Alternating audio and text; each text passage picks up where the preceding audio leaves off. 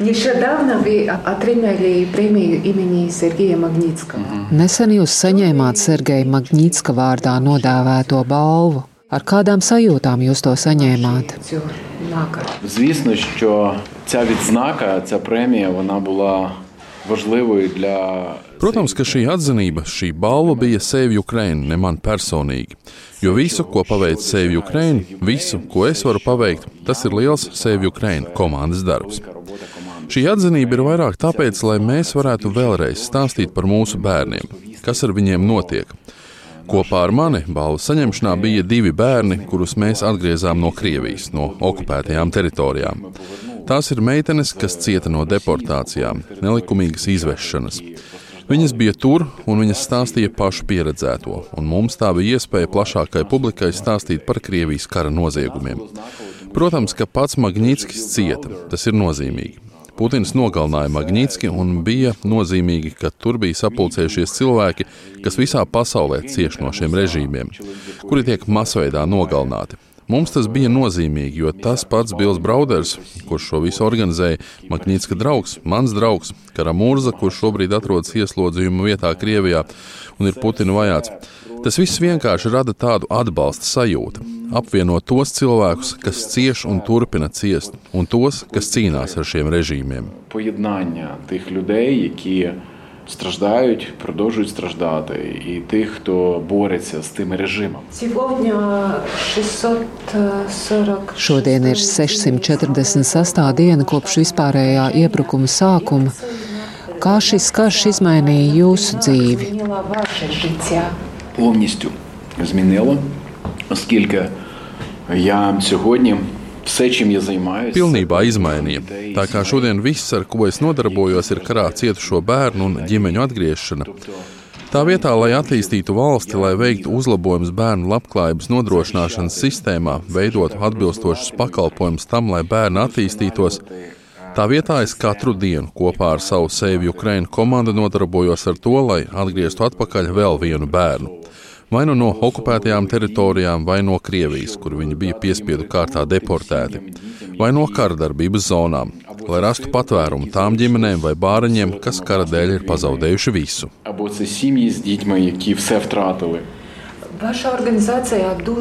Jūsu organizācija daudz palīdz bērniem.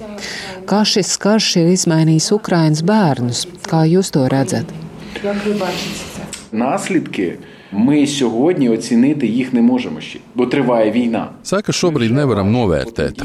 Turpinās karš. Mēs jau redzam pēc tiem bērniem, kas ir mūsu centrā, ka viņiem ir posttraumatiskā stresa sindroms, miega traucējumi. Ļoti daudzi bērni ir ļoti noslēgti, viņi negrib komunicēt. Ļoti daudz problēmas ir ģimenēs, jo paši vecāki ir traumēti. Viņi turpina traumēt savus bērnus. Ļoti daudziem bērniem ir problēmas ar mācībām. Viņi nav mācījušies divus, trīs gadus. Mums ir bērni, kas desmit gadu vecumā nemāca lasīt un rakstīt, jo bija covid, pēc tam karš jau divus gadus, un viņi nemāca lasīt. Tā Ukrainā nekad nav bijis. Tikai otrā pasaules kara laikā un pēc tā tāda situācija bija, bet tā, lai mēs varētu teikt, ka desmit gados bērns nemācētu rakstīt, mūsu izglītības sistēma strādāja normāli, bet tagad tas ir fakts. Bērni nemācās skolās, jo īpaši karadarbībai tuvākajos reģionos vai okupētajās teritorijās. Tur ir nopietna problēma, līdz ar to sekas. Šobrīd mēs nevaram aplēst visas sekas. Tas, kas šobrīd notiek, šobrīd aug bērni, un mēs sekas redzēsim pēc pieciem, desmit gadiem, bet tās sekas būs smagas. Через 5 років, через 10 років, уже, але наслідки будуть жахливі. Зараз е, країни світу Šobrīd pasaules valstis vilcinās ar starptautiskā tribunāla izveidu Krievijas kara noziegumu tiesāšanai. Vai jūs ticat, ka Putins un viņa līdzgaitnieki tiks sodīti? Путін і його соратники будуть покарані. Да, я в цьому не сумніваюсь. І я про це заявляв в ООН, я про це заявляв в парламентах різних країн. Jā, es par to nešaubos. Es par to ziņoju apvienoto nāciju organizācijā, dažādu valstu parlamentos. Vienkārši es saprotu, ka šis ir hibrīd karš, un Krievija izmanto visas iespējas un visus instrumentus, lai ietekmētu dažādas valstis. Šodien politiķi ļoti lēni pieņem šādus lēmumus. Krievijas ietekme ir ārkārtīgi liela visur. Šobrīd Lielbritānijā, Vācijā, ASV, Ķīnā un tā tālāk. Kad es tiekos ar politiķiem, es viņiem stāstu reālus stāstus par bērniem, kas ar viņiem notiek. Izskaidroju, kāpēc tas notiek.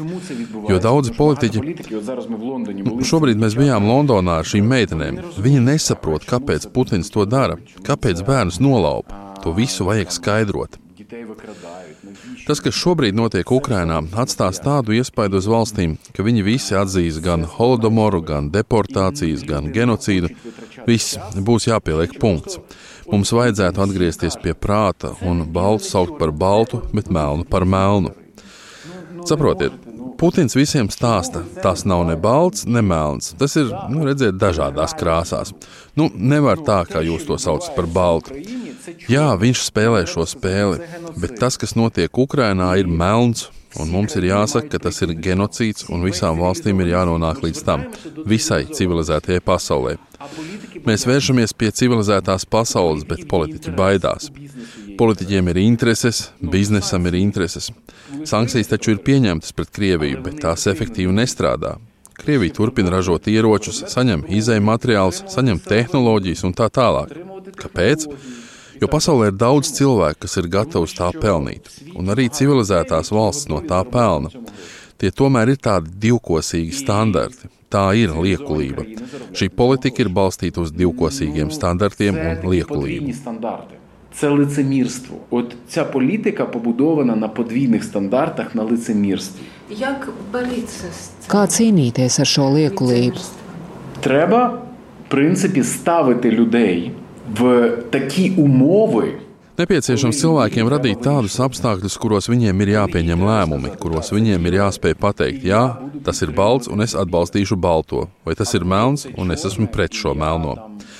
Varbūt tas ir radikāli. Jā, šai ziņā esmu radikāls. Es esmu radikāls, jo, ja nogalina bērnus, tā nedrīkst notikt. Un mums, visai civilizētajai pasaulē, ir jāpasaka, ka Tas nav pareizi un ir jāaptur to.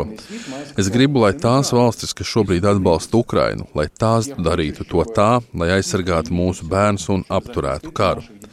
Es cīnītos pretī Putinam, lai nebūtu diskusiju par to, dot vai nedot ko. Nu, klausieties, ja jūs atzīstat, ka Putins ir ļaunums, ka viņš ir atnācis mūs iznīcināt, nogalināt bērnus, nu atvainojiet, te nav tēmas diskusijām, te ir nepieciešama rīcība. Ну, вибачте, ну ви тут немає теми для дискусії. Тут треба діяти. Яка підтримка зараз Kāda palīdzība šobrīd ir nepieciešama Ukrainai un Ukraiņiem? українцям? Ну, нам потрібна підтримка, щоб вижити. Mums ir nepieciešamība palīdzība izdzīvot. Pirmkārt, skatieties, nu, kas ir vajadzīgs bērniem? Drošība. Lai pa viņiem nešautu, lai viņi varētu paēst, normāli apģērbties, lai viņi varētu attīstīties. Tam nepieciešams apturēt karu. Pirmkārt, mums ir nepieciešama ekonomiska, finansiāla palīdzība Ukrainai, lai izdzīvotu, un nepieciešami ir ieroči, lai apturētu Putinu, jo viņš ir atnācis nogalināt. Tālāk, nepieciešams atbalsts Ukraiņas atjaunošanai. Šobrīd ir grūti runāt par atjaunošanu, kamēr karš turpinās. Šobrīd svarīgākais ir izdzīvot. Valstīm ir jādara viss iespējamais, lai ļautu Ukrainai izdzīvot, jo Ukraina var kļūt par spēcīgu valsti Eiropas civilizēto valsts saimē, un tā tam ir jānotiek. Ja mūs aizsargās, mēs varēsim, bet ja nē, tad Ukraina kļūs par placdarmu Eiropas iekarošanai. Putinam Ukraina ir nepieciešama vienkārši kā teritorija, no kuras viņš tālāk iekaros citas zemes. To Eiropai un visai pasaulē vajadzētu saprast. Šodien šeit, Ukrainā, notiek karš par Eiropu, par brīvību, par demokrātiju.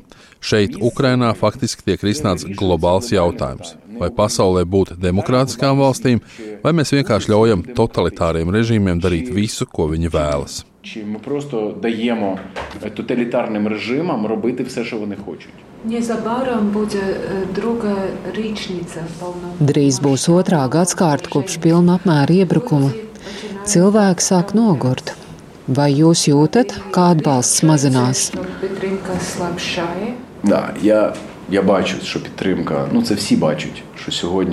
Jā, es redzu, nu, visi redz, ka šodien atbalsts Ukrainai mazinās. Un mums būtu jādara viss iespējamais, lai atbalsts nemazinātos.